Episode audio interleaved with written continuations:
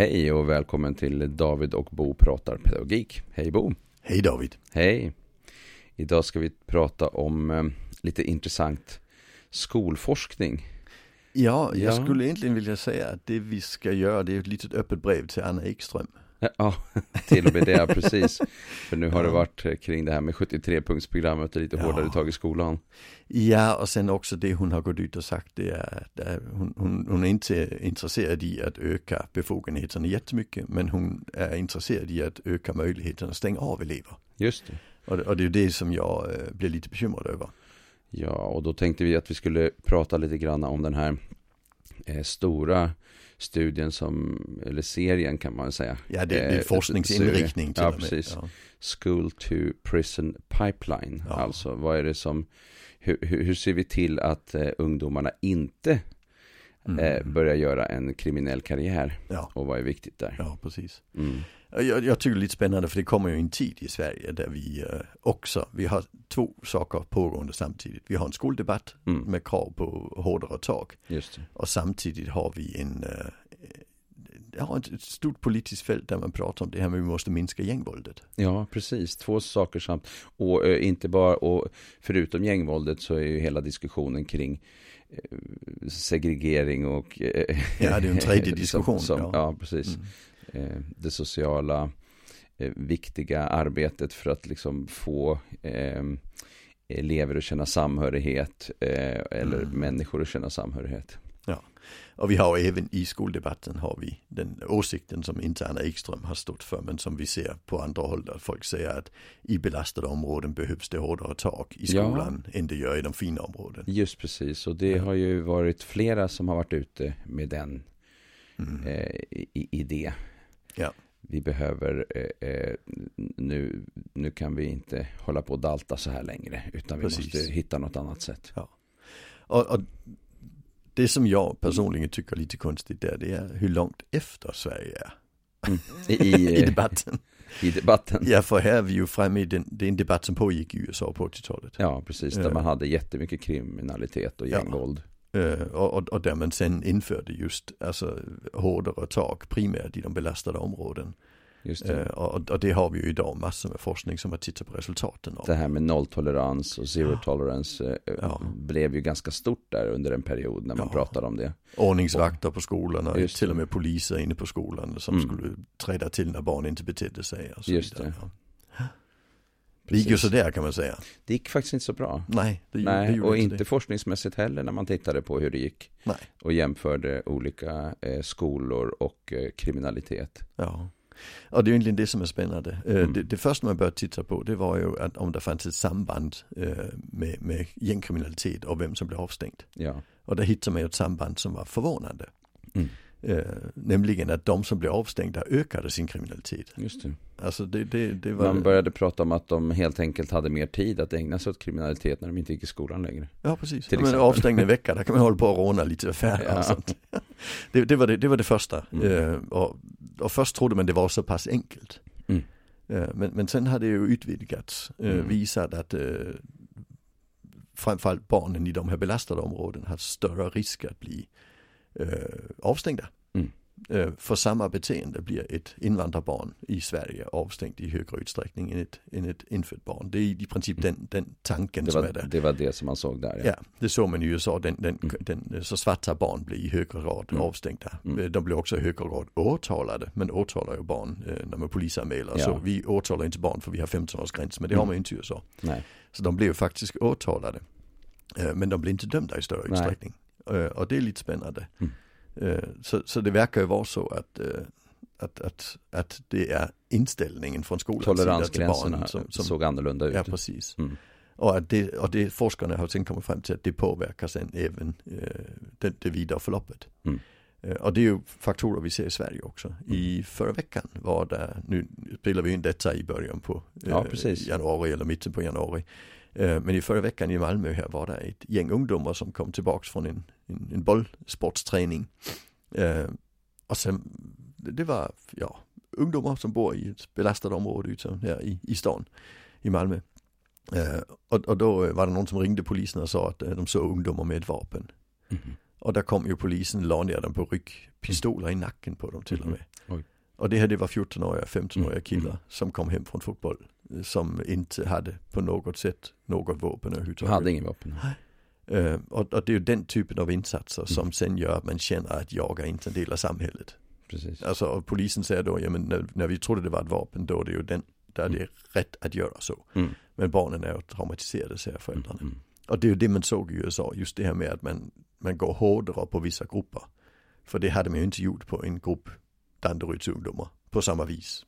Nej. Det hade man ju inte. Alltså det, det, är ju, det är ju dumt att säga det. Alltså det är ju för det att de här killarna var i det bostadsområdet och hade Mm. den hudfärg de hade. Det, det kommer vi liksom inte omkring. Eh, och, och det är ju det man såg i USA, att det, det blev ju inte så bra. Så det ökade ju också på den här. Så det man egentligen kunde säga det var att avstängningarna och den här mindre tolerans på de svarta ungdomarna ökade gängvåldet. Mm. Och där var skolan en, en kraftig del av det. Och därför uppfann man begreppet school to prison pipeline. Just det. Det, var- det var det första. Men sen har det ju blivit, visat sig att det är in, det är mer komplicerat än så. Ja. Alltså för det visar sig till och med att kriminaliteten ökar på, hos de barn som inte blir avstängda. Men I om, samma skolor. om de går på de skolor där Just många blir avstängda. Mm, Det är ju. Backa Hicks forskning och, Mm. och det är ju ganska ny där man gått vidare. Så, så det verkar ju inte bara vara själva avstängningar där man har tid med kriminalitet eller där man inte känner sig som en del. Utan det verkar vara den här auktoritära insatsen. Hållningen, Ja. det blir som på Miljön den här skolan. skolan så funkar det på det här sättet. Vi ser på barn och ungdomar på ett visst sätt och då sprider det sig också till så, som en allmän hållning, en idé. Det, det är så här vi ser på saker och ting. Mm. För att det de vuxna eh, tänker, de blir som modeller helt enkelt för, Ja. för eh, barnens tänkande, elevernas tänkande. Ja.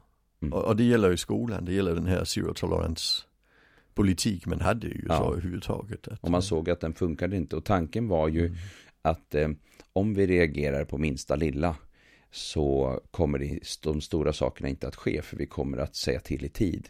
Mm. Eh, men det visade sig ju inte ha den effekten som man hade tänkt. Nej, det, det gjorde mer att, att folk kände sig Mm.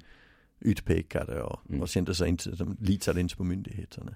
Och där har vi ju skoldebattörer som till exempel Hamid Safar som, som ju promoverar den här nolltoleranspolitiken. Ja, hårdare tag i utsatta områden för att annars Ja. så lyckas vi inte.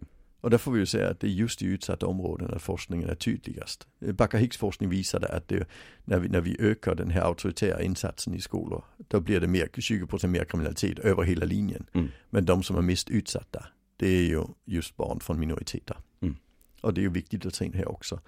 Så nej, vi ska ju inte ha den typen av, politik eh, i skolan i, i Biskopsgården i Göteborg och i, i, i, i Rosengård i Malmö. För Mm. det, alltså har vi problem med gängkriminalitet så kommer vi att öka den gängkriminaliteten när vi inför den typen av metod.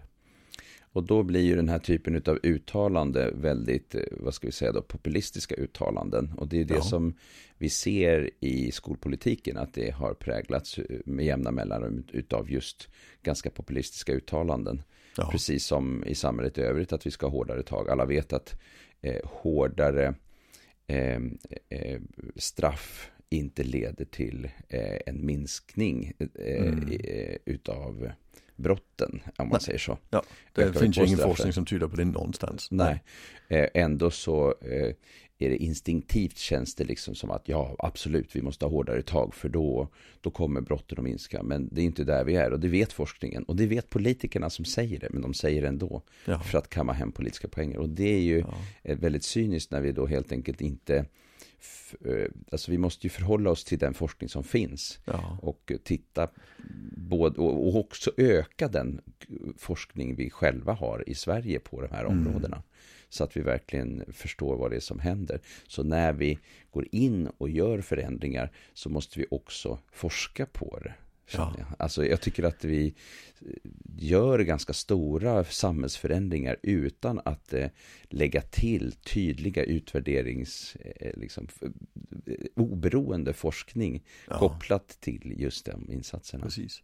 Ja, och, och där tycker jag när, just när det gäller skolan och just Mm. polisanmälan. Ja. Det, det finns också studier kring just polisanmälan i, i den School to Prison Pipeline Ja. forskningen som visar att polisanmälan i sig ökar brottsligheten. Mm. Eh, i, i elevernas eh, alltså vuxen, vuxenfunktion liksom. Just det. Så, så nej, skolan ska inte polisanmäla det som händer i skolan. Skolan ska hantera det som händer Ja, i skolan i första det ju- hand. Oh, nu kan jag inte det där exakt, men eh, man har ju sagt att man ska försöka undvika att polisanmäla innan 12 års ålder, var det inte så någonting? Jo. Eh, och att skälet är att man helt enkelt ska försöka lösa det. Eh, eh, Det är den, vux, lösa det är den liksom. vuxnas ansvar det som ja, händer. Vilket ja. gör att, polisanmälan är alltid att lägga ansvar på barnet. eh, ja, Mm. vilket gör att vi i princip inte ska göra polisanmälningar på låg och mellanstadieskolor. Eh, Och sen är det vissa som säger men, men polisanmälan leder ju då till SOS-anmälan. ja, men skolan då kan, man göra SOS-anmälan ändå. ändå. Ja, Ja, men Precis, precis. det behöver vi inte polisen till. Nej. Mm, för det Eh, vi vet att effekterna blir så pass negativa. Ja, Mm. jag oroar mig för en sak som, eh, som liksom finns i anslutning till det här som verkligen hör ihop. Och det är, det är någonting med eh, att i vårt samhälle så är det blir lagar och regler som styr väldigt mycket. Juridiken styr Mm. väldigt mycket. Ja. Ehm, och jag ser, eh, jag har handledning med lite olika grupper, eh, skolpsykologer, kuratorer, lite olika som jobbar inom elevhälsan. Och jag ser att man eh, jobbar jättemycket med att man ska göra kränkningsanmälningar och skriva Mm. rapporter. Eh, det intressanta är att jag uppfattar det som att det finns en, åtminstone finns det en risk, men jag, jag har märkt att det finns en, en, man är bekymrad över att man lägger mycket tid på att lägga de här, göra de här kränkningsanmälningarna, men, men inte att jobba tillräckligt mycket med själva orsaken till kränkningen. Nej, precis. Eh, att lägga energi på det. Eh, för då är det lite grann som att nu har vi gjort en kränkningsanmälan. Eh, och absolut, folk jobbar jättemycket med att stävja kränkningar. Det är ingen Mm. diskussion om det. Eh, eh, så är det verkligen. Men eh, det- finns en, en risk att det tar energi från det riktiga jobbet med eleverna. Att vara Ja. där, att prata om det som händer och alltihopa. Mm. Alltså jag, vi kan- säga så att vi har i sjukvården Lex Maria. Ja, Och det är en, en jättebra lagstiftning. Mm, ja, det är och det. den säger när du gör en anmälan måste den leda till att vi tittar igenom varför det uppstår och hur vi kan göra för rutiner Ja. så att det inte ska hända igen. Och, och, och jag älskar den typen av lagstiftning. ja, den är bra. Ja, och den kan man ju införa precis För den tvingar helst. fram andra insatser Ja. som handlar om det som verkligen är problemet. Ja. Och sen gjorde vi en kartläggning av äh, avskiljningar inom SIS. Mm. Eh, jag gjorde det tillsammans med Ekot, Daniel Velasco. Eh, och där tittade vi på andra halvåret 2015. Mm. Eh, och, och, och där var 179 sådana anmälningar. Mm. Och sen frågar vi, vad, vad händer med de anmälningarna? Ja, de skickar vi in till huvudkontoret. Ja. Men eh, vad gör man med dem där? Ja, det är en kille som tittar igenom den. Han har Ja. varit sjukskriven i två år. ja. Och då blir det fullkomligt meningslöst att Ja, göra, den, alltså, göra en kartläggning, eller hur? Så, så, och, och det är lite samma sak med kränkningsanmälningen. Mm. Alltså de, de kanske till och med går till uh, barn och elevombudet och sen utkrävs det ett skadestånd. Men det är ju inte viktigt. Det viktiga det är att vi ser till att det inte händer igen. Alltså det är det att vi behöver verkligen jobba med de frågorna. Eh, Det händer konflikter på varje skolgård varje dag Ja, i hela Sverige. Liksom. Mm. Och inte bara en per rast utan flera. Eh, personalen hanterar enormt många olika typer av konflikter mellan elever och taskiga kommentarer och hit och dit. mm. Eh, så, så att man jobbar ju med de frågorna. Men vid något tillfälle så tycker man, att det här blev en stor kränk. Och det är klart att då ska vi ta det på allvar. Mm. Eh, det finns en, en risk då, och om det är så att juridiken tar över från praktiken, då finns det ett jättestort problem. Mm. Jag, jag har ett ganska roligt exempel på, eh, och det är en dansk lagstiftning. Mm. Ja. Eh, I Danmark är det ju, alltså, precis som i Sverige så, vi får inte göra fysiska interventioner hur som helst. Nej. Men, men man gjorde då en, en, en, en lag som man har försökt att få införd i Sverige också, men vi har som Mm. tyvärr inte fått den införd, för det blev inte bra i längden. Men precis när den kom 93, eh, det har visat sig nämligen att eh, nu i 2015, där har man utökat befogenheterna ytterligare. För när man gav folk befogenheter, där gick man precis till befogenheternas gräns liksom. Ja, just det. Men en av de allra första ärendena tyckte, som, där, där tyckte jag att lagen levde upp till det den skulle göra. Eh, och den, den lagen sa att om det var så att man gjorde en fysisk intervention så skulle man anmäla till kommunens jurist Mm. som skulle göra en utvärdering. Så Mm. lex Maria tänk. Ja. Mm. Eh, och då hade vi en situation med ett, eh, en person på ett gruppboende som var på en badplats. Och jag känner den badplatsen för jag växte upp där. Mm. så jag brukar cykla dit när jag var barn och, bada varje dag. Och det är ungefär en kilometer man går genom skogen på en grusväg och sen är det en liten parkering uppe vid ringvägen. Mm. Och det, är en, det, är en, det, är en, stor ringväg och man får köra 80 där liksom. Mm. Um, och där hade man då kommit dit med minibussen från uh, boendet och sen hade man inte riktigt fått plats på parkeringen. Så man hade ställt, ställt sig i vägrenen lite längre bort. Mm. Och sen hade man promenerat ner till badplatsen och badat. På väg tillbaka, där var det en tjej som var lite orolig, en tjej i 25-årsåldern. Uh, och då när man kom upp till vägen så ser man att ja, vi ska ju gå ungefär 50 meter längs ringvägen. Vi mm. vågar inte riktigt gå där med henne orolig för hon kanske hoppar ut på vägen. Ja. Så de tar sig tag i hennes handled och sen mm. går de så hon liksom håller, håller henne i handleden. Ja. Uh, och, och, personalen vet att det här det får man ju inte. Alltså det är ju en olaglig fysisk intervention. Det får man ju inte heller i, i grundskolan, så är det ju. De höll liksom ordentligt liksom ja. så. Inte bara så här lite småhöll. Nej, utan Trevligt. de såg till att hon inte kom loss. Liksom. Nej, ja. uh, och sen skriver man då den här anmälan och det är bra. Och sen skriver juristen tillbaka, an, eh, som skriver då interventionen är olaglig men nödvändig. Mm.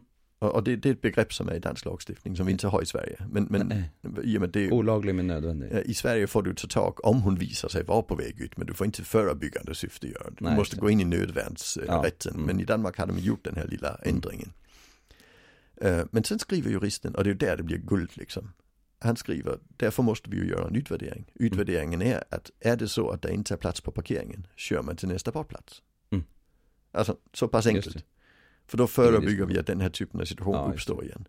Och, och, det var så lagstiftningen var tänkt att användas. Mm. Sen blev det så att alla tänkte att då får vi gå till gränsen hela tiden och sen blir gränsen flyttad så nu har vi fler befogenheter och det är inte bra. Mm. Men, men just det här tänket att man säger när det händer måste vi utvärdera. Det mm. kan man lägga in i alla möjliga sammanhang. Det behöver inte, inte vara lagstiftning. Nej, nej, Utan nej. vi hanterar det som efter bästa förmåga. Mm. Det gjorde de ju. Vi utvärderar sen och vi tar sen reda på hur vi ska göra nästa gång för att undvika det. Vilket ju leder till att det som vi behöver göra eh, när det händer saker, även då kränkningar eller våld av olika slag i till exempel skolor eller andra verksamheter, det är att vi behöver ju utveckla en, en utvärderingskultur som ja. har en slags, eh, det blir en standard helt enkelt. Ja. Eh, och att den eh, eh måste växa sig starkare. Hur utvärderar vi de här situationerna? Vad har vi kommit fram till? Ja hur ska vi tänka kring det här vid ja. nästa tillfälle så att vi hela tiden eh, rör oss framåt. Eh, mm. Utvärdera och sen för att sen kunna förändra. Egentligen ett systematiskt arbetssätt. Ja, ett systematiskt arbetssätt. Som man jobbar med i sjukvård och som man jobbar ja, man med i, i ja, industrin jobbar man ju också kanske. med det. Eh, jag tänker så här att eh, eh, jag funderar på ibland om man är mer van vid systematiskt arbetssätt när det gäller eh, så att säga ämnena i skolan. Alltså mm. eh, mattelärarna sätter sig och liksom diskuterar hur ska vi jobba för att det ska bli bättre, hur ska vi liksom, att man jobbar mer systematiskt inom sina respektive ämnen. Mm. Men när det gäller just incidenter, beteende, handlingar, där finns det inte lika mycket vana. Mm. Och det är där jag, jag anser att, att grundskolan och gymnasiet har inte Alltså de har inte professionaliserat beteendehanteringen. Nej, de har inte professionaliserat. Den, den, är, den, den är i, i, på många ställen väldigt amatörmässig. Mm. Och därför har man inte jobbat, jobbat systematiskt med det. Nej, för det intressanta är Jag kan tycka vi... förskolan är duktigare där. Eh, ja, det är möjligt eh, eh, mm. att man är... Jag tycker att vi, vi stöter ju på ibland skolor där man faktiskt har ett ganska genomgripande sätt att jobba med de här typen av frågor på. Mm.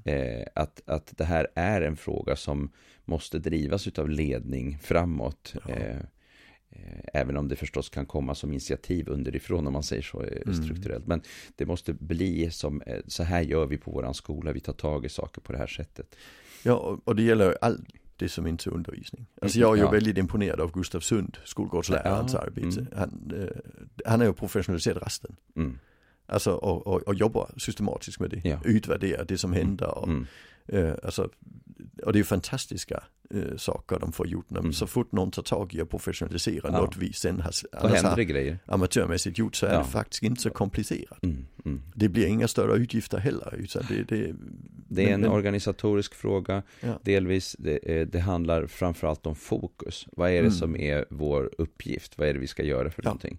Och något av det han har tittat på det är till exempel det här med att eh, hur får vi tjejerna igång med aktiviteter. Och sen jobbar man systematiskt med det. Mm. Ser vad är det för aktiviteter tjejerna väljer. Mm, mm. Och sen gör man en ny aktivitet så ser man hur blir Mm. könsfördelningen och så vidare. Mm. Och det är att jobba systematiskt. Ja, och, och kan man göra det i, kring rasten så Mm. borde det inte vara något problem att göra det kring, Nej, kring konfliktsituationerna för de tar så mycket plats i Mm. huvudet på personalen. Ja.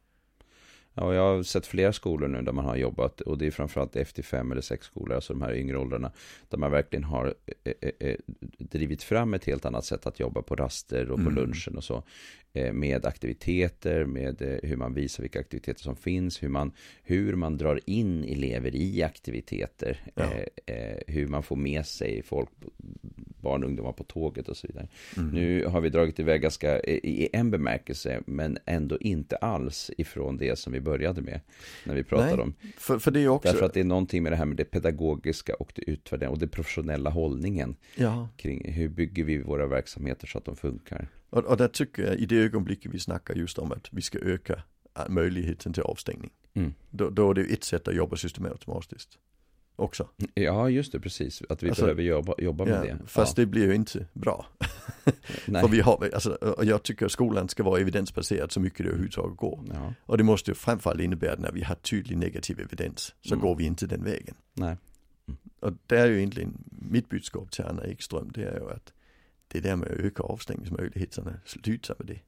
Mm. Gör istället så att se till att det blir ordning och reda på rasten, se till att vi jobbar systematiskt med beteendeproblem. Mm. Alltså det, det är den vägen vi ska gå, professionalisera det som vi amatörmässigt hanterar. Mm. För jag måste ju säga, jag tycker ju avstängning är en amatörmässig metod. Verkligen. Ja, och det är ju att eh, jag tänker ibland man stirrar sig blint då på eh, en viss situation och så vet man väldigt lite om kanske bakgrunden till det eller vad är det som har gjort att det har blivit Mm. som det har blivit. Varför gör den här eleven på det här sättet just nu? Mm. Vad är det som gör att man använder våld eller, eller kränker någon med eh, ord eller vad är det som händer liksom eller eh, så. Men, men hur har man jobbat med det? Och eh, jag tycker att, eh, eh, och jag tänker att det har du också varit med om, att man många gånger har sagt att vi har gjort allt. Mm. Eh, och jag har aldrig kommit till ett ställe där man har gjort allt. Nej, nej, nej, nej. Aldrig. nej, nej. Utan Nej. man tänker, och då tänker jag att det man har gjort är att man har gjort allt som man i nuvarande läge kan eller har kompetens till eller någonting. Men det finns Om, om fortfarande, ens det. Nej, om ens det. Ja, Men det är finns också, väldigt mycket vidare. Ja. Ja, mm. För man lägger ju också in perspektiv på hur mycket, alltså hur viktigt är detta? ja, och, hur, och inte minst hur viktig är den här eleven? det. mm. För den eleven vi inte tycker är så viktig gör vi ju inte lika mycket för som den vi tycker Nej, är så är viktig. det ju. Och det är ju Alltså, jättetydligt när vi tänker ifrån. på hur många elever som faktiskt eh, nej sitter i något rum med någon outbildad Mm. person år ut och år in. Ja. Och, och, dem, och, och där tycker jag det blir riktigt farligt när vi, Mm. när vi snackar vilka elever tycker vi är viktiga. mm. För, för vi har ju också den här utstötningsmekanismen som en del av oss människor, att den som inte Mm. uppför sig har inte lika mycket värde. Nej, precis. Så det Den innebär ju att skickar vi iväg. Ja, det innebär att vi faktiskt minskar insatserna för de som behöver det mest väldigt Mm, ofta. mm, mm. Mm. Ja. Den här typen av forskning som eh, då eh, School to Prison Pipeline eh, eh, det som vi nu gör är ju att propagera för att dels måste man ju sätta sig in i den typen utav, utav forskning som Mm. faktiskt ändå finns innan man eh, går loss på och, och, och göra stora förändringar. Mm. Eh, förstås. Men också uttalande för att, för att eh, media hakar på en trend eh, och det blir väldigt mycket och vi måste, vi måste fixa det Ja. med hårdare metoder och sen, och sen så blir det någonting som, som, som liksom växer, en slags idé om att det, det, det funkar inte, vi, vi kan inte ha det på det här sättet. Nej. Mm. Nej, absolut. Och, Mm. och, och, och där har vi just nu i debatten några sidolöpande spår som också vi kanske behöver ta upp. Det ena det är att det är skoldebattörer som går ut och säger att det är inte alla som ska vara i klassen. Vi måste öka resursskolorna. Ja, Samtidigt ser vi att de ekonomiska medlen till resursskolorna Precis. minskar väldigt, Ja. väldigt våldsamt. mm, verkligen. Så, så det handlar både om att vi har en utstötningsmekanism kring de här barnen. De ska inte vara i vanliga skolor. Men vi har en annan utstötningsmekanism kring de här barnen. Att vi minskar till, eh, de ekonomiska förutsättningarna för Ja, en bra precis. undervisning för dem. Och både du och jag vet ju att eh, vissa elever har ju verkligen ett stort behov av att vara i ett sammanhang som inte är det stora vanliga klassrummet. Ja, det finns de eleverna, absolut. Det finns de eleverna. Ja. Så det är ju inte så att vi propagerar för att alla ska vara i ett och samma klassrum alltid, hela tiden. Nej, jag, jag vill mest propagera för att vi måste se till att, att alla är där, där de fungerar som bäst. Ja, men, när men vi jag tycker det är problematiskt när vi, när vi utesluter en elev för de andras skull. Ja, och när vi pratar om en skola för alla så handlar det ju om att skolan som verksamhet Mm. måste kunna vara en skola för alla. Det betyder inte att varje klassrum är till för varje Nej, enskild nej, nej. individ. Utan det är att skolan som helhet Mm. måste se till att jobba med att alla elever får en känsla av tillhörighet och, och f- får lära sig saker och ting Mm. och utvecklas. Och där är det problematiskt om vi är på gång att utesluta fler elever till de mindre sammanhangen och samtidigt underminera den typen av sammanhang ekonomiskt. Det är Ja, just det. jättebesvärligt. Där har vi ett jätteproblem. Ja, för det blir just där vi värdelägger elever med beteendeproblem Mm. lägre än andra elever. Mm, mm. Och det håller inte, inte i dessa barnkonventionslagtider. Nej, precis. Eh, Sen tänker jag på en sak som kanske finns i det här och det är att eh, människans benägenhet att eh, önska snabba lösningar. Mm. Den stöter vi på så himla ofta i olika sammanhang. Och eh, en snabb lösning är, ju då att man tänker att eh, nej men då tar vi bort problemet. Eh, Mm. Det är liksom, vi tar bort problemet. Och är eleven ett problem så tar man bort eleven. Ja, eller andra typer av saker som vi snabbt vill ta bort. Ehm, men då måste vi också fundera på, finns det alternativa sätt? Och det är klart att det Mm. gör. Och det har ju kommit upp i debatten ganska många gånger.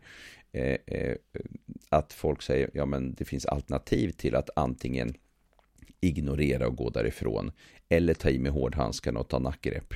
Eh, det är ju att att så att säga samarbeta med eleven, att försöka hitta ingångarna, att skapa relation. De flesta skulle göra så. Mm. Varför inte pröva det kanske? Eh, kan man utveckla det mer? Finns det mer att göra på det området?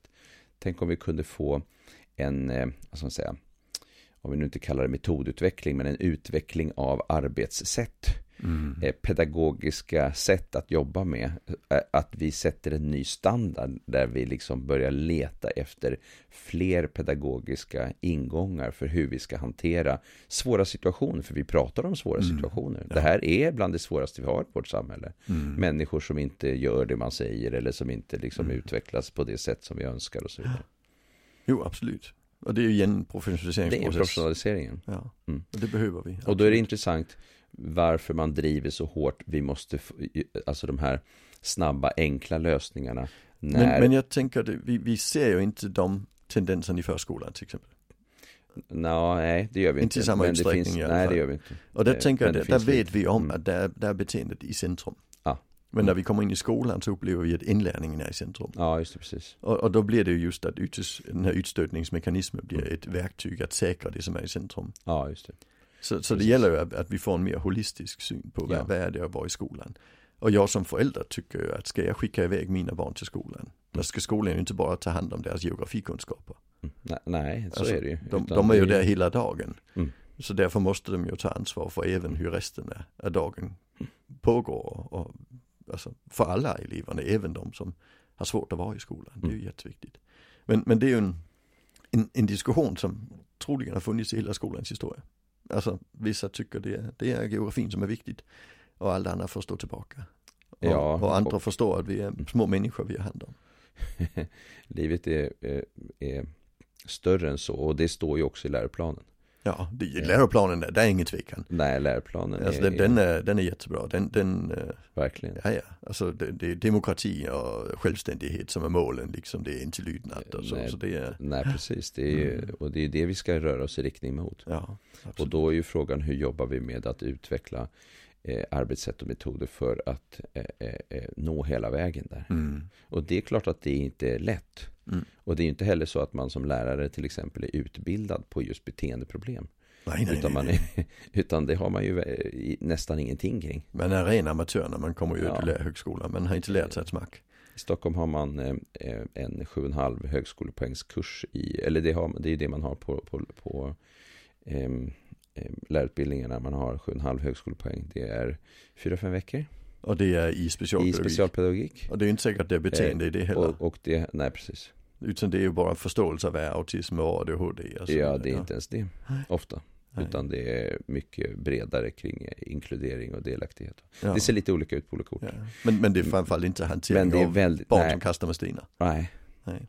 Så att, eh, så att eh, där har vi en, en bit att eh, jobba, Mm. kan man ju lugnt säga. Och, och det ska ju då kombineras med den kunskap vi har att, att barn är mycket mer våldsamma än vuxna. Ja, och det betyder ju att när det gäller beteenden Mm. så är eh, de flesta så att säga amatörer som jobbar i, i pedagogiska Ja. verksamheter och även i LSS-verksamheter och annat. Ja. Därför att utbildningsgraden inte är Ja. så hög alla gånger i de verksamheterna heller. Jag brukar ju, jag brukar eh, citera Tremblay. Mm. Eh, Richard E. Tremblay, han, han säger ju att eh, alltså våldskapitalet i samhället, det är ju lite olika olika grupper. Mm. Men den gruppen med högst våldskapital, det är tvååringar. Ja, Och sen, sen blir det bättre år för år ända upp till 15 års ålder. ja, Eh, och, och det betyder ju att, att vi måste få, alltså vi, vi kan ju inte säga att, att, att barn ska bete sig, utan Mm. vi får förvänta att det händer saker. Mm. Och, och det måste vi ha metod för. Det, Ja. det, det är inte besvärligt. är. Och blir metoden avstängning, ja då ökar vi våldskapitalet i, i vuxen ålder, för då Mm. ökar vi gängkriminaliteten. Så det, det är ju, Och det har vi pratat mer om i ett tidigare avsnitt eh, Ja. kring våld. Ju, ja, vi pratade våld om, i förskolan och skolan, ja precis, Tremblays forskning. Ja, precis. Mm. Mm. Mm. Så är det. Ja, Ja, var det dagens det var dagens. text? Yes. det är bra. Tack för idag. Tack så mycket, hej hej. Hej.